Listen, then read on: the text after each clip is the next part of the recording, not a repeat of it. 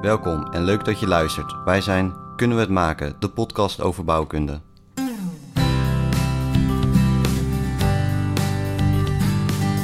Spreekwoord zegt door schade word je wijzer. Ja, of ja. door schade en schande.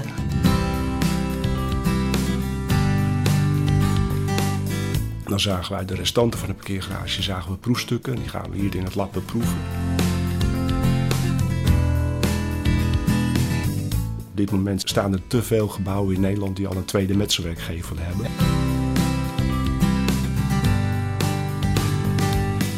Constructeurs die stoppen vaak met denken bij de buitenkant van het binnenblad.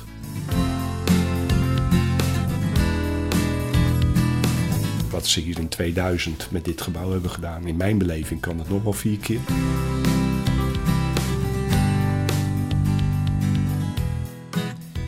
De vorige aflevering was met Wouter van den Berg van Nebest.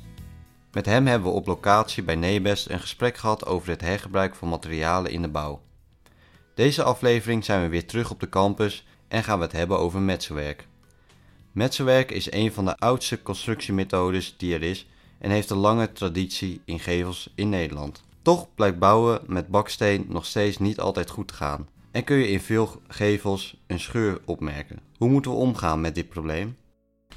Dit gaan we vandaag bespreken met professor Wijten. Welkom. Dank je. Klopt het dat u ook afgestudeerd bent hier eh, op de TUE? Ja, dat klopt. 1989 afgestudeerd. eh afstudeer onderzoek gedaan bij professor Stark. Oké, Op het gebied van staalbetonconstructies. beton. Ja, want we kennen u van als eh, betonprofessor natuurlijk en metselwerk. Ja. Dus op die manier bent u daar wel een beetje ingerold. Eh, ja, maar ik ben afgestudeerd op staalbetonconstructies. Dus eigenlijk iets wat meer bij Snijder op dit moment wordt behandeld. Eh, en ik ben in mijn loopbaan daarna gaan werken bij adviesbureau Hageman in Rijswijk. Ook gelijk in 89. Daar zit ik nu nog steeds. Direct na, eh, na, de, Ja. na het afstuderen. En daar lag meer een focus op eh, beton en metselwerk. Maar met schades heb ik ook wel naar staal gekeken. Oké, maar dat was een bedrijf ehm, specifiek dan voor beton en metselwerk? Of was het gewoon een ingenieursbureau? Eh, Ja, adviesbureau Hageman is een eh, ja, adviesbureau op het gebied van constructies. Iets tussen TNO en de reguliere ingenieursbureaus in. Dus het is niet zozeer dat wij heel veel constructies ontwerpen, wel wat. Maar wij doen daarnaast ook veel onderzoek, veel werk voor voorschriften en eh, schadeonderzoek, assistentie bij geschillen tussen partijen op het gebied van constructies en dergelijke. Dat doen we veel op het gebied van beton en metselwerk, maar toch ook wel op staal en hout. Waar we ons niet mee bezighouden zijn funderingen. Oké, nee. Maar dat heeft wel vaak met elkaar te maken. Ja, alleen daar liggen onze specialismes niet. Nee, precies, oké. Is dat ook iets wat u heeft getrokken naar het eh, adviesbureau? Dat het ook veel onderzoek doet?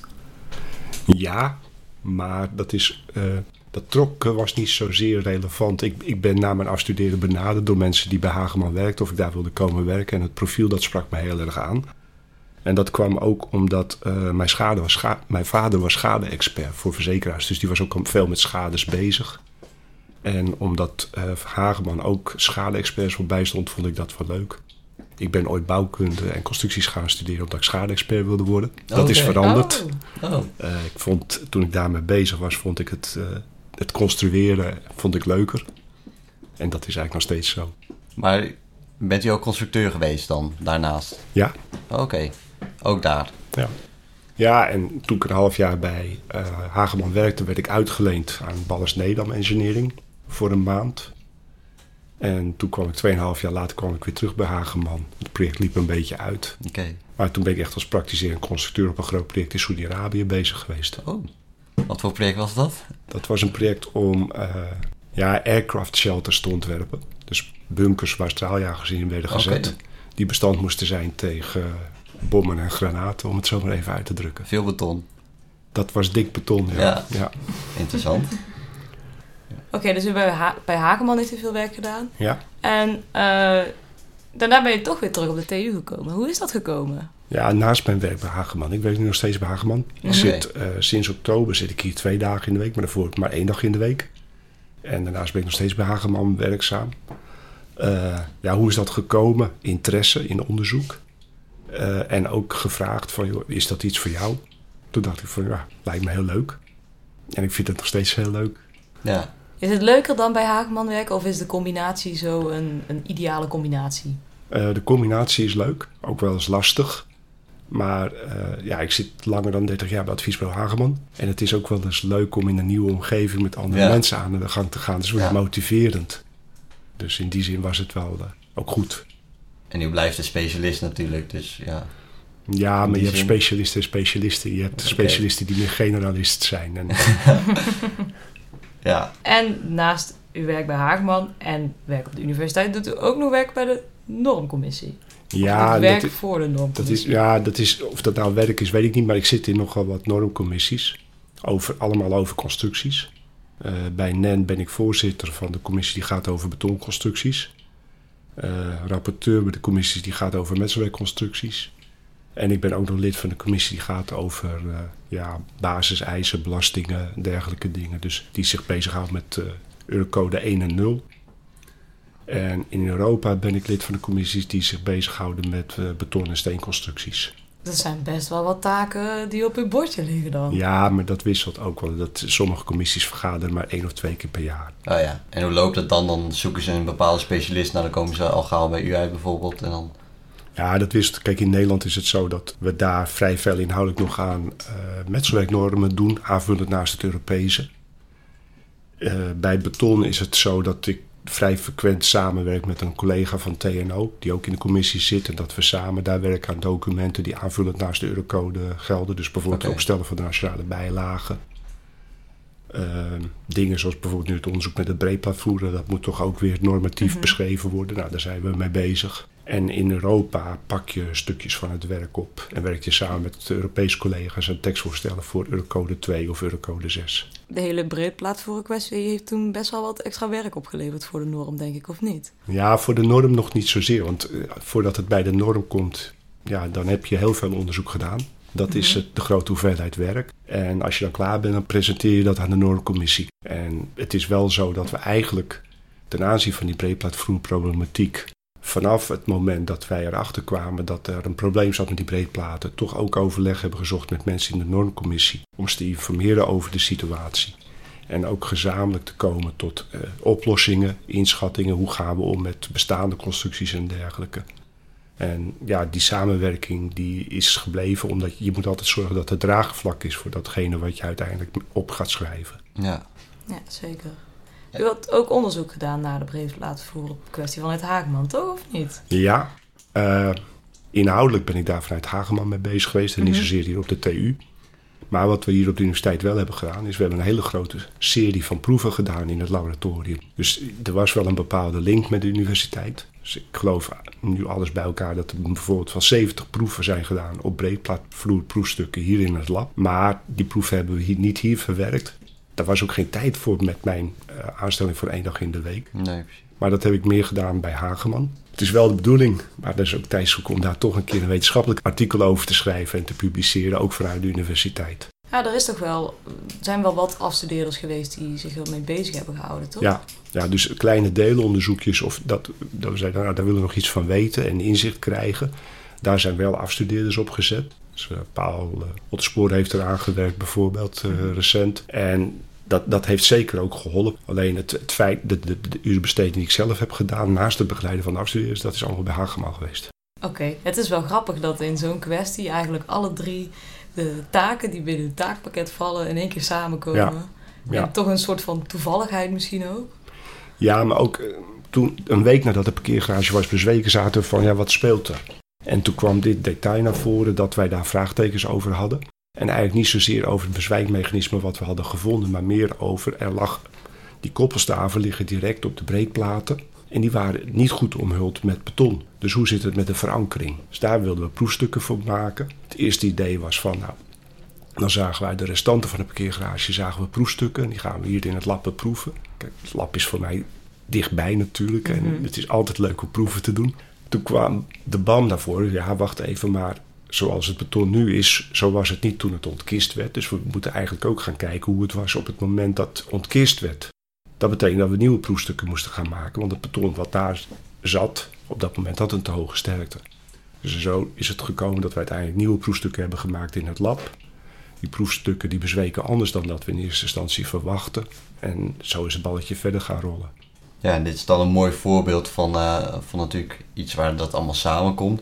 Maar zie je dat dan ook in, bij Metswerk bijvoorbeeld, wanneer je bezig bent met die normen opstellen, dat je kennis gebruikt van universiteiten en onderzoeken om die normen te schrijven? Ja, ja zeker. Uh, het spreekwoord zegt door schade word je wijzer. Ja, door ja, schade en schande. uh, en je ziet natuurlijk uh, wat betreft uh, bouwschades, constructieschades, zie je de nodige dingen op het gebied van metselwerk, maar ook bijvoorbeeld staal en beton. Dat je zegt, nou, daar moeten andere dingen gedaan worden. Schade waar we te maken mee hebben bij metselwerk, dat is voornamelijk schade aan het gemetselde buitenblad. Ja. Schade aan binnenconstructie, dus dragend metselwerk, uh, dat is veel beperkter. Daar is dan niet zozeer nodig, maar met name het gemetselde buitenblad is het heel goed om uh, constructeurs in de praktijk, maar ook architecten, et cetera, aanwijzingen te geven hoe je daarmee om moet gaan. Om te zorgen dat je die schades kunt voorkomen. Oké. Er is eigenlijk op dit moment zijn er te, staan er te veel gebouwen in Nederland die al een tweede metselwerkgevel hebben. Ja, ja. Of krijgen op dit moment, de regent in Eindhoven. Uh, dat soort schades, dat is in mijn beleving is dat relatief eenvoudig te voorkomen als je van tevoren maar goed nadenkt over wat je aan het doen bent. Ja, daar gaan we het zo uitgebreid over hebben. Daarom hebben we natuurlijk ook deze podcast. Ja, ik wou zeggen, dat is een mooi bruggetje naar ons vragenvuur. Om uh, even een beetje warm te draaien. We hebben al wat vragen gesteld en dan een beetje gepraat. Uh, maar we willen ook nog even een vragenvuur doen om een beetje warm te worden. Waarin we vijf korte vragen stellen. En uh, u hoeft alleen maar met ja of nee antwoorden. Heel waar korte antwoorden. Waar, waar of niet waar, kort, inderdaad. Gewoon lekker kort. Ja. Dan kunnen we altijd nog later rectificeren. Ik zal mijn best doen. Ja, ja dat is heel lastig. Constructeurs hebben voldoende inzicht in het gedrag van metselwerk. Nee. Er wordt voldoende rekening gehouden met metselwerk tijdens het ontwerp. Nee. Metselwerk is een risicovol bouwmateriaal. Ja. Bouwen met metselwerk heeft ook de toekomst. Dat hoop ik. Innovatie in metselwerk loopt achter. Ja. Oké. Okay. Oké, okay, dat zijn wel wat interessante antwoorden. U zei het net al, dat uh, de praktijk heel veel kan leren van de schade. Maar dat is dus echt, u ervaart het echt zo dat constructeurs eigenlijk uh, nog te weinig inzicht hebben in het gedrag van metselwerk? Ja, en dat wil ik zelfs breder trekken. Want ik zei zojuist, schade treedt voornamelijk op in het buitenblad. Maar constructeurs rekenen te weinig aan metselwerk. Ook aan het dragende metselwerk. Heel veel gaat gewoon op basis van, joh, dat gaat altijd goed. Mm -hmm. En is dat niet genoeg? Of ik, ja, ik vind dat je moet begrijpen wat je uitrekent. Maar moet er ook aangerekend worden? Of zijn er... Sommige dingen niet. Laagbouw okay. niet. Er kan ja. heel veel gewerkt worden met uh, normen die we hebben opgesteld, richtlijnen die we hebben gegeven. Joh, als je zorgt dat de som van de penanten meer is dan x, dan mag je ervan uitgaan dat de windbelasting uh, weerstaan kan worden. Ja. Maar eigenlijk hoop je dat constructeurs ook begrijpen van hoe het model daarachter in elkaar zit. Ja. En wat ik ook belangrijk vind, is dat constructeurs begrijpen hoe een ongewapend materiaal als metselwerk zich gedraagt. En eigenlijk in dezelfde lijn ongewapend beton. We kunnen daar heel veel mee. En waarom wordt er zo weinig aangerekend dan? Uh, nou, de, in de praktijk? Kosten, snelheid. En als er aan gerekend wordt, en da daarom zeg ik eigenlijk nee. Als er aan gerekend wordt, zie ik te vaak dat er niet goed aangerekend wordt. Er wordt te vaak gerekend gewoon lineaire elasticiteitstheorie. Dat is natuurlijk eenvoudig. Ja. Mm -hmm. Alleen het materiaal gedraagt zich nagenoeg niet lineair elastisch. Dus het materiaal is eigenlijk te complex, waardoor uh, misschien de goede berekeningen niet gemaakt worden. Ja, maar is beton te complex voor jou? Uh, nou, voor mijzelf. ik nee. zou ermee kunnen rekenen, ja. dat wel. Ja. ja. maar het is wel complexer dan uh, dat ik nu zou weten over beton. Ja, en, en, in beton kunnen we nog een aantal lastige dingen oplossen. Als het, ja. Door wapening toe te voegen. Mm -hmm. En dat gaat met metselwerk niet. Ja, je bent wat minder vrij in je... Alleen de berekening van metselwerk en ongewapend beton, dus beton zonder wapening, lijkt heel erg op elkaar. En dat doorzien te weinig mensen. Maar er wordt Ja. ook aan ongewapend beton te weinig gerekend. Ja, omdat Ja. vaak niet wordt toegepast. Ja, ja maar dat zou vaker moeten. In wan, heel veel wanden heb je geen wapening nodig. Ja, dus je, vaak wapen je gewoon vanwege het gemak. Ja, En om bepaalde veiligheid te geven. nee, gewoontes. Oké. Maar is het dan ook de reden waarom het misschien te weinig rekening gehouden wordt met we- metselwerken tijdens het ontwerp? Volgens u? Dat dat Ja, te- Maar dan, komen, dan leg ik de link naar de schades. En de schades die treden vaak op in het gemetselde buitenblad. Mhm. En om het bot te stellen zeg ik, constructeurs die stoppen vaak met denken bij de buitenkant van het binnenblad. Ja, Terwijl dat buitenblad ja, is op zich geen spannende constructie. Het draagt alleen zichzelf en het moet een beetje de windbelasting weerstaan. Maar het, is wel, het wordt wel onderworpen aan hele grote temperatuurverschillen. Het zit vast aan een constructie die ten gevolge van krimp en kruip ook vervormt. En die vervormingen binnen en buiten zijn niet gelijk. En als je daar niet goed mee omgaat, krijg je schade. En de normen die hebben hier niet genoeg informatie voor die gebruikt wordt? Of is er wel genoeg informatie die de norm eh, aanbiedt, maar het wordt gewoon niet meegenomen? Er is in het verleden, jaren 90, zijn er keuraanbevelingen geschreven. Eh, bijvoorbeeld door Rob van der Pluim, in de jaren 90 promovendus hier aan de universiteit, over hoe je moet dilateren. En daar weten de constructeurs eigenlijk te weinig van. Het is een taak die in het bouwproces heel vaak neergelegd wordt bij degene die de stenen levert, dus de stenenleverancier. Mhm. Maar die weet niet hoe die constructie in elkaar zit. Die krijgt alleen een geveltekening en die moet daar wat strepen in zetten van hier komt een dilatatie. En die weet ook de constructieberekeningen misschien. Nee, hij weet, hij het weet, hij weet niet of daar bijvoorbeeld een, een portaal achter zit met overspannende vloeren. Ja, Of dat er een dragende gevel achter zit. Terwijl dat zijn voor een goed dilatatieadvies zijn dat gewoon belangrijke dingen. ja, En in mijn beleving kan een constructeur echt op een achternaamiddag, eventueel samen met een architect, als zij weet hoe die constructie eruit ziet en die constructeur weet hoe die constructie werkt, een goed dilatatieplan maken. dan hoeft het niet zo complex te zijn of tijdrovend. Dan wordt het goed Ja, en dan heb je geen schade. ja. Dat scheelt heel veel natuurlijk. Waarom is metselwerk een risicovol bouwmateriaal? Het is natuurlijk, metselwerk wordt gebruikt in gevels. Het, is- het lijkt heel voor de hand liggend. Het is makkelijk te gebruiken. Wat maakt het dan een risicovol iets, deze gebakken steentjes? Ja, risicovol moet je eh, het onderscheid maken tussen twee facetten. Dus eens veiligheid, dat valt mee. Tenminste, de veiligheid de- de- dat een draagconstructie ook daadwerkelijk de capaciteit heeft. Maar anderzijds het ontstaan van scheuren, eh, ontstaan van klein, ja, kleine schade, zoals in het buitenblad. En, en dat laat zich eenvoudig verklaren. Het heeft maar een hele geringe treksterkte. Het is kwetsbaar. Het is in die zin is het kwetsbaar. De scheuren ontstaan makkelijk. Maar het wil niet betekenen dat als met zijn werk gescheurd is, dat het ook gelijk onveilig is. Heel vaak hebben die scheuren geen invloed op de draagkracht van de constructie. Kunnen we geen metselwerk ontwikkelen dat wel eh, goed die trekspanningen aan kan? Ja, dat zou kunnen, maar dan is de vraag of het dan nog wel voldoende is. Kijk, de treksterkte van beton is veel hoger. Die is Ja. echt een factor 10 hoger. Ja, Scheurt ook. ja uiteindelijk. Ja. Maar dat bouwt wel een bepaalde marge in natuurlijk. ja, alleen dan komt er dus ook meer breukenergie vrij en dergelijke. Dus de vraag is nog maar even wat beter is. Ja, Je kunt ook gaan zeggen, ik ga dilateren, dan kun je scheuren voorkomen. Mhm. En dan kun je gaan vragen van, wat vind ik mooier? ja. Maar Daar gaan we het niet over als constructeurs, maar je kunt zeggen, nou, een Nee. Ja. vind ik lelijker dan een scheurtje wat er komt. Dat zie ik toch niet. Ja, ja. Ja, bouwen met metselwerk. Ik denk dat het in Nederland toch wel de toekomst heeft. We zijn best wel nog steeds vastzittend aan onze traditionele bouwmethodes in hoe we de gevel graag zien. Maar ik heb het idee dat u daar een andere mening over Ja, heeft. ik ben niet zo optimistisch als jij. Ja. Eh, ik denk dat eh, de steenindustrie echt voor een hele grote uitdaging staat op dit moment. Eh, het is een heel ambachtelijke bezigheid. Hoewel, wel, hoewel we natuurlijk in Nederland wel die grote kalkzandstenen elementen hebben ontwikkeld, Mhm. dan gaat het vrij snel. Maar het blijft ambacht. En we zijn afhankelijk van mensen die dat willen gaan doen en of die er voldoende zijn. Eh metselwerk heeft ook een uitdaging ten aanzien van sustainability. Eh, om bakstenen te krijgen moet je overstoken. Ja. Is metselwerk makkelijk te hergebruiken? Dus ik, ik denk dat de industrie daar wel op een punt staat.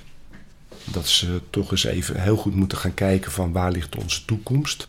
En ik had het erg toegejuicht als ze daar in het verleden al mee waren begonnen. En bijvoorbeeld op dat soort gebieden meer onderzoek hadden gedaan dan dat ze nu gedaan hebben. Ja, het sustainability vraagstuk is natuurlijk best wel een lastige met bakstenen. Het is Ja. denk ik vrij moeilijk om een, produceren van baksteen duurzamer te maken. Maar het hergebruiken, daar zijn ze toch best wel actief mee bezig. Wienerberg heeft klikbrik. Er Ja. zijn meer eh, fabrikanten die eh, plastic Klopt. plaatjes of eh, stalen dingetjes ertussen schuiven. Maar dat blijft ook zoeken naar wat je dan maakt. Is dat dan economisch? Wat kost het? Is het robuust? Is het duurzaam? En ja, er zijn meer kapers op de kust. De houtconstructies zijn sterk opkomend bijvoorbeeld. Heeft in dat kader voordeel, maar heeft ook nadelen.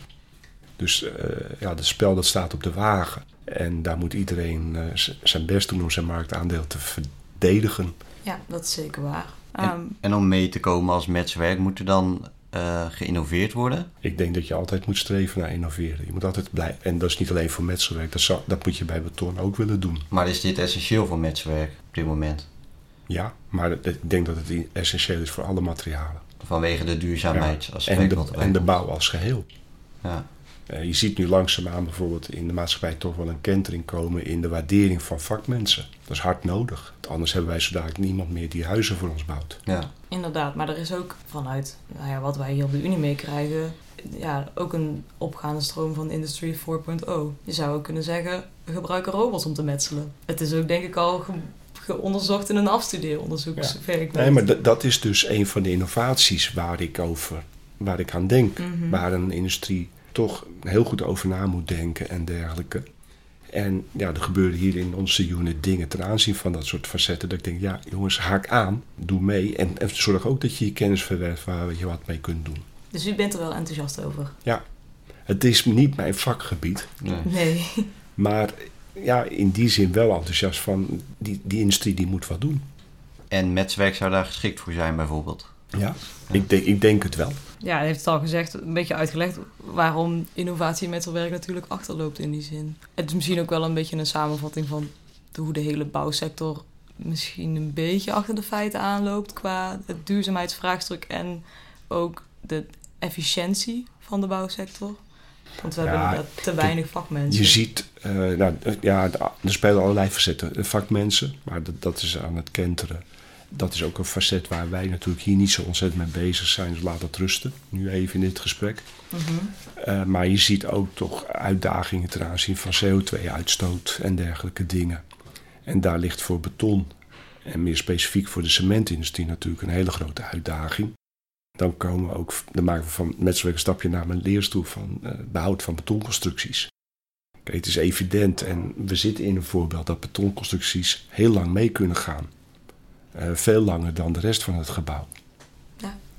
En de uitdaging is om betonconstructies intact te laten en te blijven hergebruiken en te hergebruiken en te hergebruiken. En dat kan het beste als constructie als geheel. Dus wat ze hier in 2000 met dit gebouw hebben gedaan, in mijn beleving kan het nog wel vier keer. Uh, en op dit moment doen we bij uh, de leerstoel Sustainment of Concrete Structures nu een onderzoek samen met Innovative Structural Design genaamd Recreate, waar we aan het kijken zijn met een aantal PhD-studenten, zijn wij in staat, of hoe kunnen wij het beste, als we bijvoorbeeld een precast, een beetje aan het zoeken tussen het Nederlands en het Engelse, geprefabriceerde Ja. betonconstructie, als we die uit elkaar gaan halen in plaats van slopen, kunnen we dan die elementen die we gewonnen hebben, kunnen wij die dan gaan hergebruiken in een nieuwe betonconstructie. En dat sluit een beetje aan met het gesprek wat jullie vorige keer met Wouter van den Berg hebben gehad, die dat ook die daarmee bezig is. Ja. Ik wou net zeggen, ja, Ja. zij zijn dan aan het kijken naar bestaande constructies die vaak toch nog in het werk gestort zijn of deels nog verbindingen hebben. Maar, Ja, maar dat, een- je ziet eh, nu wij eh precast, eh prefab betonconstructies uit elkaar halen en de manier waarop ze in elkaar zijn gezet, moeten we ook heel vaak zagen. Mhm. En dan is het onderscheid tussen prefab en in situ is maar heel klein. En een afstudeerster van mij, Eline Dolkemade, die is ook al bezig geweest met, ja, kunnen wij een betonnen gietbouwkasco, kunnen we daar de vloerplaten niet gewoon uitzagen en hergebruiken? Maar dat is beton. Bij matchwerk lijkt me dat toch lastiger. Hergebruik bij metselwerk moet je eens gaan nadenken van, wil ik dat op wandniveau gaan doen? Ja. Of wil ik dat op blokniveau gaan doen? En dat blokniveau, is dat mogelijk? Ja, ik denk dat dat beter mogelijk is dan op wandniveau. Omdat op wandniveau is zo'n metselwerkwand heel erg kwetsbaar. Ja. Tekststerkte is heel beperkt. Eh, dat is ook een van de uitdagingen op het moment dat je gaat kijken naar geprefabriceerd metselwerk.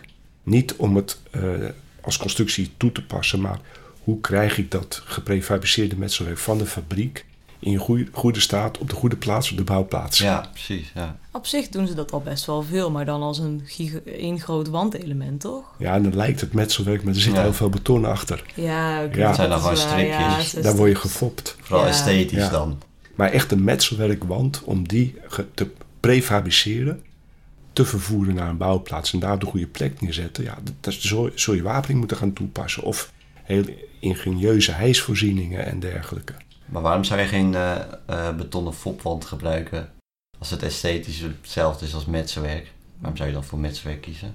Ja, je kunt naar kosten kijken, eh, naar CO2-uitstoot. In die betonnen fopwand, daar zit meer cement. Ja, En, en zo verder dus. dus Ja, dan is duurzaamheid wel weer een pluspunt bij metselwerk, toch? dat zou kunnen, ja. ja. Ja, Vooral voor gevels dan. Ja. En je kan geen spouwmuur maken, toch? Als je gewoon... je Ja, wel een kan spouwmuur ook wel. maken? Ja, ze maken eh, geprefabriceerde gevels, elementen, binnenblad, buitenblad, isolatie ertussen, kozijnen erin. Dat kan allemaal tegelijk. Het kan waarschijnlijk ook lichter dan, lijkt mij. Want metselwerk is, ja, het is niet zwaar, maar Ja, ook maar daar zit je dus met licht en massa, zit je met iets waar wij als constructeurs eigenlijk eh, wel over gaan, maar heel weinig mee doen. Omdat, neem nou bijvoorbeeld de woningscheidende wand van beton. Ja, die is 250 mm dik. Ja. En niet omdat de constructeur vindt dat dat zo moet. Maar omdat de akoestisch advis- adviseur zegt, ik heb zoveel massa nodig. Ja, precies. Ja. Ja. En het alternatief is dat je zegt, ik ga hem dunner maken. Maar dan moet je additioneel moet je voorzieningen gaan treffen... om te zorgen dat je toch de goede akoestische isolatie hebt. Ja. Ja. Want we willen wel duurzaam, we willen sustainable... maar we willen wel onze luxe houden. ja, want dat is ook weer duurzaam. Goede isolatie. Ja. ja. Eh, in Groningen zien we natuurlijk... eh, ja, er zijn aardbevingen. U zei toen net al tegen ons... eens per maand bijna op dit moment. Ja, vaker. En, eh, vaker. Ja, ze- de voornaamste oorzaak daar dat er schade aan de gevel komt, dus dat er scheurvorming is, is dat echt door de aardbevingen? Dat is moeilijk. Eh, eerst even het volgende. Eh, naast dat ik hier hoogleraar ben en bij Hageman werk... ben ik ook nog lid van het ACVG... en dat staat voor Adviescollege Veiligheid Groningen. Oké. adviescollege voor de, op dit moment de staatssecretaris Mijnbouw. En dat gaat dus over de constructieve veiligheid in Groningen ten gevolge van aardbevingen. En wij kijken daar naar eh, voorstellen van andere partijen zoals TNO voor het beoordelen van eh, woningen, gebouwen ten aanzien van de constructieve veiligheid. En je bent dan vooral de schadespecialist. Nee, wij kijken daar naar constructieve veiligheid. Oké. En dat is nou net waar ik naartoe wil. In het Groningen dossier maken we nadrukkelijk onderscheid tussen de constructieve veiligheid en de noodzaak om te versterken en de schadeafhandeling.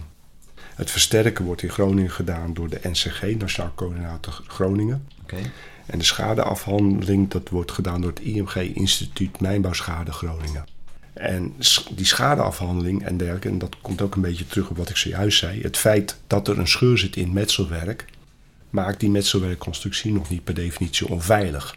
Dan kom je op het feit van ja, oké, we hebben in Groningen hebben we heel veel metselwerkconstructies staan, net zoals in de rest van Nederland. Nooit ontworpen om aardbevingen te weerstaan. En daar zitten scheuren in. Hele botte uitspraak dan, in, in de meeste woningen in Nederland die van metselwerk zitten, zijn gemaakt, zitten scheuren. Ja, ja. Dus ook die in Groningen.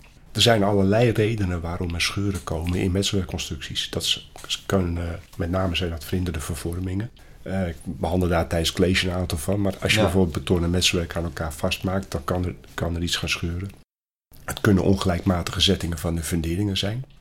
Naast de aardbevingsproblematiek eh, in Groningen speelt daar ook een problematiek ten aanzien van bodemdaling. Hm. Gekoppeld aan de gaswinning. Groningen ligt zo even uit mijn hoofd ongeveer een halve meter lager nu dan 30, 40 jaar geleden. Oh jezus, dat is best wel veel, flink, ja. ja. ja. ja. ik- Ja, ik dat heeft, niet. dat heeft allerlei gevolgen voor de waterhuishouding, grondwaterstand, inklinking van veen, noem maar op. Ja. Dus dat, die, dat zijn eh, ongelijkmatige zettingen bijvoorbeeld. Komt dan niet per definitie door de aardbevingen, door de seismiciteit, maar wel door de mijnbouwschade. Dus de winning van gas en de ongelijkmatige vervormingen van de ondergrond en dergelijke. Ja, dus- Alleen dat is schade die je esthetisch niet wilt. In extreme kan het zover doorgaan dat het de constructieve veiligheid beïnvloedt, maar dat hoeft niet. Hoe vaak ziet u dan een voorbeeld waarin het wel de constructieve veiligheid beïnvloedt op dit moment in Groningen? Ja, dat kan op hele kleine details zijn. Waar onze Nederlandse steenconstructies tekortschieten ten aanzien van eh, veiligheid bij aardbevingsbelasting, dat is de slankheid of de dikte. Oké.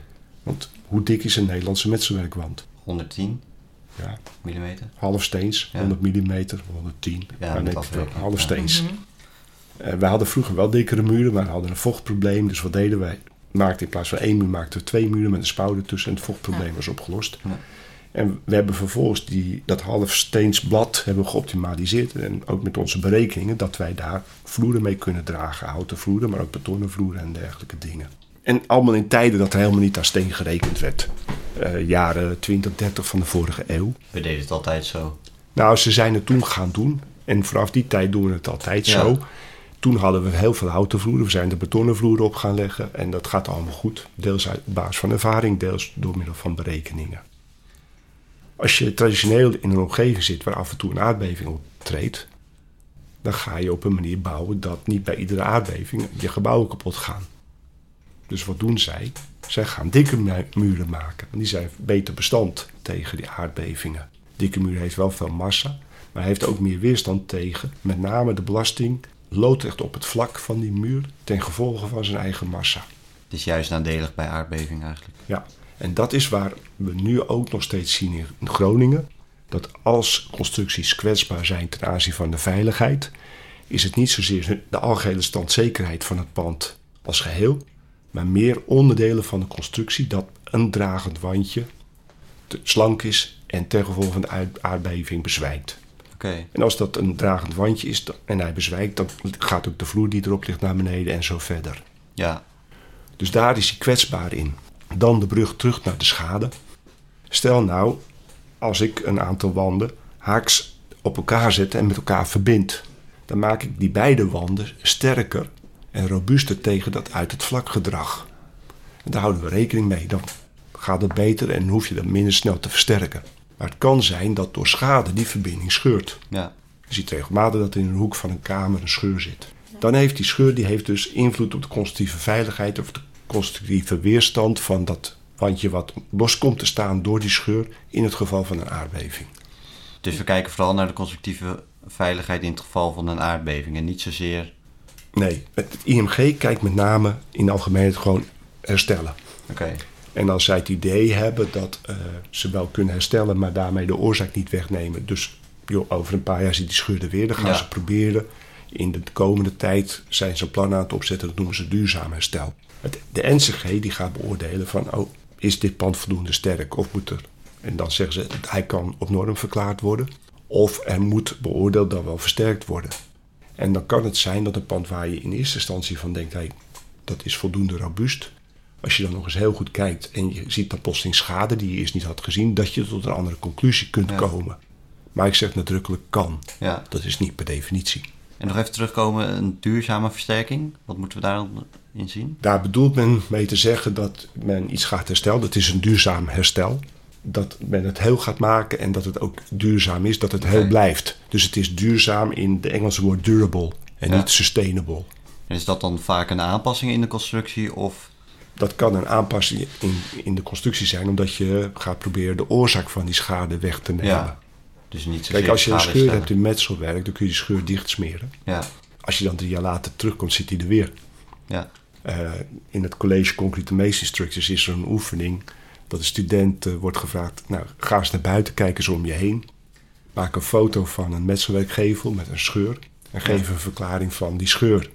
Voorzichtig, een derde deel van die foto's die we dan binnenkrijgen, dat zijn scheuren. Die zijn al eens een keer hersteld en vervolgens weer gescheurd. ja. Als je de oorzaak van een schade niet wegneemt, dan komt die schade terug. Dan is het herstel alleen maar cosmetisch. ja. Maar in de buitengevels is het dan altijd te doen om de schade of de oorzaak van de schade weg te nemen. Het is natuurlijk vaak vanuit een, hoe de wand is opgebouwd en eh, daardoor krijg je die vervormingen. Of door de grond. Ehm, dus kun je dan zelf nog wel achteraf daaraan iets herstellen dat die scheur er niet opnieuw komt? Of is het in een buitenwerk of in een buitengevel vaak dat je het maar gewoon altijd cosmetisch moet blijven herstellen? Nee, eh, in mijn beleving, maar dat komt ook natuurlijk vanuit ons werk bij Hageman, moet je altijd zoeken naar een oorzaak van de schade. Mhm. Enerzijds voor het herstel, maar soms ook om na te gaan van ja, wie moet het gaan betalen. Is dat de essentie ook van het onderzoek? Dus eh, onderzoeken waar komt nou eigenlijk de schade vandaan? Eh, dat, ja, eigenlijk, wat wij doen is dat vaak wel de essentie. Ja, En of het dan is voor eh, aansprakelijkheid of om te komen tot een goed herstel, dat, dat maakt, maakt mij verder niet uit. Maar op het moment dat er een schade is, probeer je te achterhalen wat de oorzaak daarvan is. Want een oorzaak van een aardbeving, daar kunnen ze bijvoorbeeld uh, financieel gesteund door worden. Uh, in het geval van uh, Groningen, en da daar bemoeien wij ons als bureau eigenlijk heel weinig mee, of niet, ten aanzien van die schades. Daar wordt eigenlijk heel ruimhartig omgegaan met herstel gekoppeld aan de schade door aardbevingen. Of eigenlijk beter uitgedrukt, de schade veroorzaakt door mijn, mijnbouwactiviteiten. Ja. Dus op het moment dat men het idee heeft van nou hier zou de mijnbouwactiviteit een rol gespeeld kunnen hebben, wordt er besloten om uit te keren. Dat is een instructie vanuit de Tweede Kamer naar het IMG. En daar kan ik me ook wel in vinden. Uh, jaren geleden, toen er nog geen IMG was en toen de overheid nog geen rol speelde in het hele aardbevingsdossier, was het heel vaak zo dat mensen persoonlijk een procedure bij de NAM aanhandig moesten maken om een tegemoetkoming in de schade te krijgen. En dan was het iedere keer dat een private partij met beperkte financiële middelen tegen die hele grote machtige NAM moest gaan procederen om te kijken of ze een schade goed krijgen. Nou, dat is een situatie waar je burgers niet in moet brengen. Ja. En daar is de overheid ingestapt. Daar gaan het nodige fout in dat proces. Daar zal helaas komt daar een, een rapport van de parlementaire enquête Groningen over. Pegas heet dat geloof ik. Oké. Okay. Uh, maar daar is er, heeft de overheid uiteindelijk wel zijn rol gepakt. Ja. Net zoals in die versterking.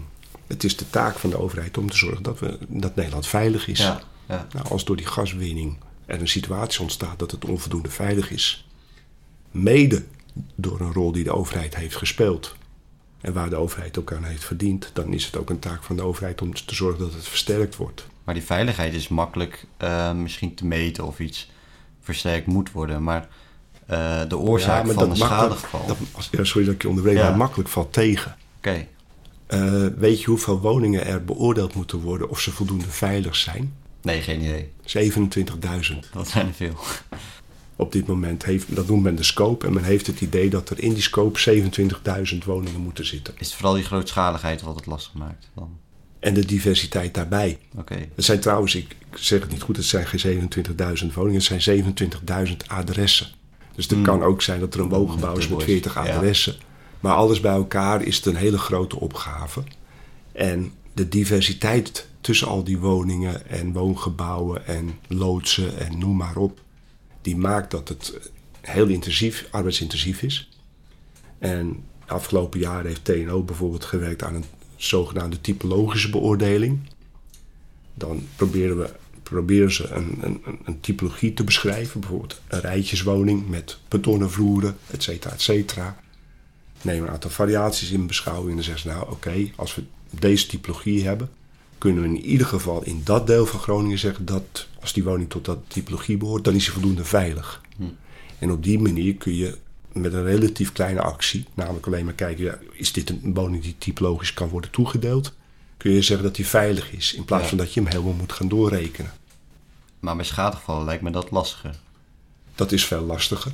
Daar wordt, omdat er ruimhartig wordt omgegaan met die vergoeding, wordt er bij schade dus veel minder gekeken van wat is de oorzaak.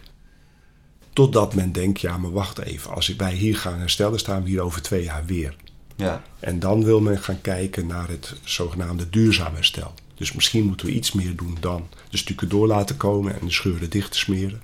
Misschien moeten we eens kijken waardoor deze scheuren ontstaan.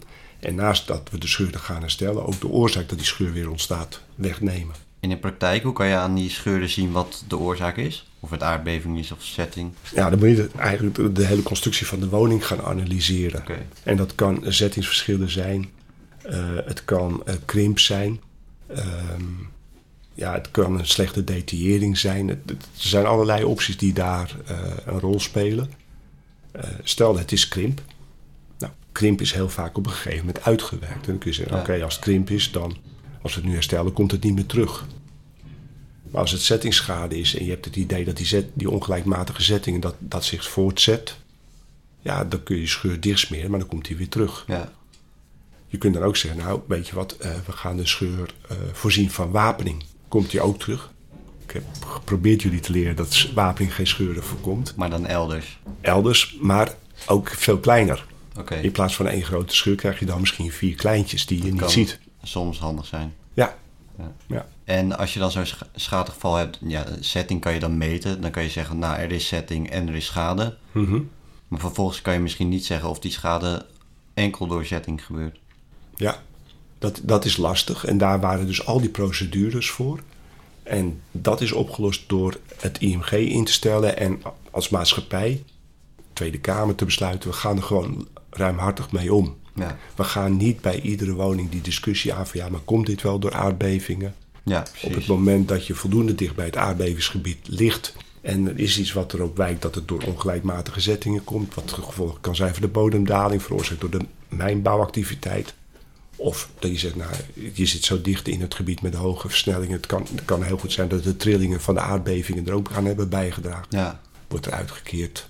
complexe situatie. Inderdaad. Complex Heeft, ehm, heeft de overheid ook nog een strategie voor het nieuw te bouwen bouwbestand in Groningen? Hebben zij daar plannen voor gemaakt voor nieuwbouw? Want er wordt nog wel gebouwd als het goed is. Ik vind dat daar de overheid op dit moment iets laat liggen. Eh, we hebben het bouwbesluit. En in het bouwbesluit staat waar aan constructie aan moet voldoen, zodat die voldoende veilig is. Ja, En je zou dus verwachten dat er onderhand in het bouwbesluit staat voor Groningen dat je rekening moet houden met aardbevingsbelastingen. Dat staat er niet in. Helemaal niks. Nee, Hebben ze ook niet een nieuwe norm uitgewerkt? Of een, een nieuwe richtlijn waar je aan moet de- houden? er is een NPR, die behandel ik ook in het College Seismic Structural Design. Eh, maar die norm is niet aangewezen in het bouwbesluit. En een norm moet zijn aangewezen in het bouwbesluit om het mogelijk te maken dat mensen van bouw- en woningtoezicht tegen iemand zeggen: ja, maar jouw ontwerp is niet goed, je krijgt geen vergunning. ja, Wat is de reden daarvoor dan? Ik heb daar laatst over gesproken met een ambtenaar en eh, laat het zo zeggen, we hopen dat het alsnog snel komt. Er zit gewoon een tijdskwestie in. Het Ja. duurt gewoon even. Ja, er zijn allerlei facetten wat daar speelt. Eh, het ministerie van Binnenlandse Zaken is bezig om een stap te maken van het bouwbesluit naar de zogenaamde BBL, het omgevingsbesluit. En dat gaat heel erg lastig. Dat is al een aantal keren afgewezen in de Tweede Kamer. Alleen men denkt steeds van ja, het komt en dan zetten we het daarin bijvoorbeeld. Dus er zijn, allerlei, er zijn een aantal redenen. Maar wordt er al wel alsnog mee gewerkt, desondanks dat bouwbesluit het Nou. nog niet heeft... eh, Mijn reactie is wat formeel, maar jij vroeg doet de overheid voldoen. En dan zeg ik nou nee, de overheid doet niet voldoende, want ik vind dat de overheid dat moet regelen. Aan de andere kant is het natuurlijk wel zo dat mensen die bouwen in Groningen wel rekening houden met de aardbeving. ja, je wil. Als Alleen, ja, waarom schrijven we wel op dat de constructie bestand moet zijn tegen wind? En voor Groningen, waarom schrijven we niet op dat de constructie bestand moet zijn tegen aardbevingen? Ja. En vervolgens kun je nog de discussie hebben over Zuid-Limburg, maar laat die even rusten. Maar is het dan zo dat je eh, met een goed ontwerp dus prima metselwerk in Groningen nog kunt bouwen? Eh, ik, ik denk dat dat wel kan, ja. ja. We hebben hier in het lab laatst ook, eh, misschien hebben jullie die wel zien staan, die twee bouwlagen hoge gemetselde penanten van kalkzandsteen. Gewapend met niet hechtende wapening. Dat is een manier waarop je ook metselwerkconstructie prima bestand kunt maken tegen de effecten van aardbevingen. Oké, dus dat zijn innovaties die het wel weer mogelijk Ja. maken. Ja, dat is ook weer een vorm van onderzoek wat ik bij Hageman doe en waar ik dan experimenten hier in het lab doe. Oké, doet u nog meer onderzoek eh, los van dat? Nee, ik, hou het op Het beton, vooral dat, beton en ja. metselwerk Ja. meestal. Ja, nee, precies. Maar wel binnen het metselwerk. Ehm dus zo ja. dit, dit onderzoek dat is eigenlijk een, een, een resultaat, en misschien weten u dat nog. We hadden hier een hoogleraar metselwerkconstructies, Dirk Martens, eh Ad van Meldvoort en dergelijke. Eh, daar was een link tussen hun en de stichting Stapelbouw. Die financierde de- dat soort onderzoeken. Ik, vanuit Hageman bemoeide, ik me daar ook mee. Eh Martens en Vermeldvoort zijn hier niet meer, maar bij Hageman gaan we er wel mee door. En als we dan experimenten willen doen, doen we dat hier. Oké, en dat is dan vooral eh aardbevingsbestendig metselwerk? Nee, nee, dat is veel breder. Dat kan voor alles zijn. Dat kan op materiaalgebied, dat wij bijvoorbeeld dingen willen weten over de relatie tussen buigtreksterkte en afschuifsterkte. Hm. Of, ehm, ja, of dit soort bijvoorbeeld innovaties van hoe kunnen we penanten in rijtjeswoningen beter bestand maken tegen wind- en aardbevingsbelastingen. En dat wisselt een beetje. In de stichting zijn allerlei partijen van de steenindustrie betrokken. Dus de kalkzandsteenindustrie, de baksteenindustrie, maar ook mortelleveranciers. En als we gezamenlijke vragen hebben, dan gaan we die proberen op te lossen.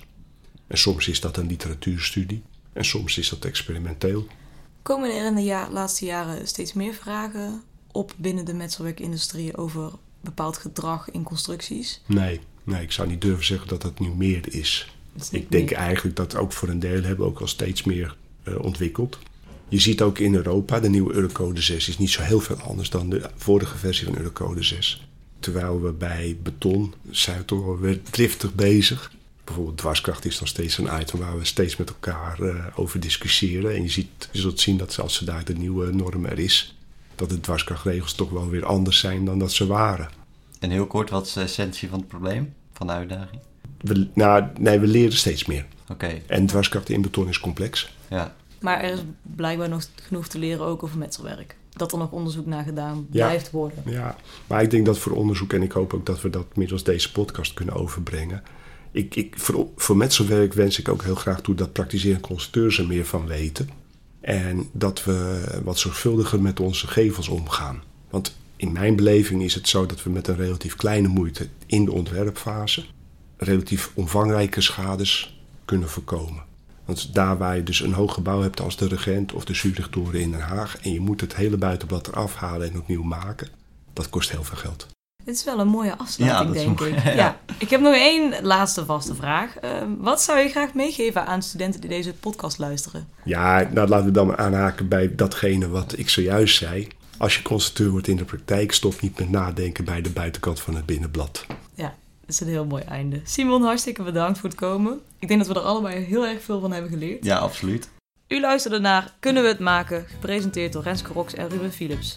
Tot slot willen we de commissie die heeft geholpen deze podcast te maken bedanken. En Joram Driessen bedanken voor het produceren van ons intromuziekje. Natuurlijk jij bedankt voor het luisteren. Wil je graag reageren op deze aflevering? Dan kan dat door te mailen naar podcast.koerstw.nl of door ons te volgen op Instagram @koersie. Geef ons nu ook sterren op Spotify, waardoor onze podcast beter gevonden kan worden. Over een maand zijn we terug met onze volgende aflevering. Voor nu bedankt voor het luisteren en tot ziens!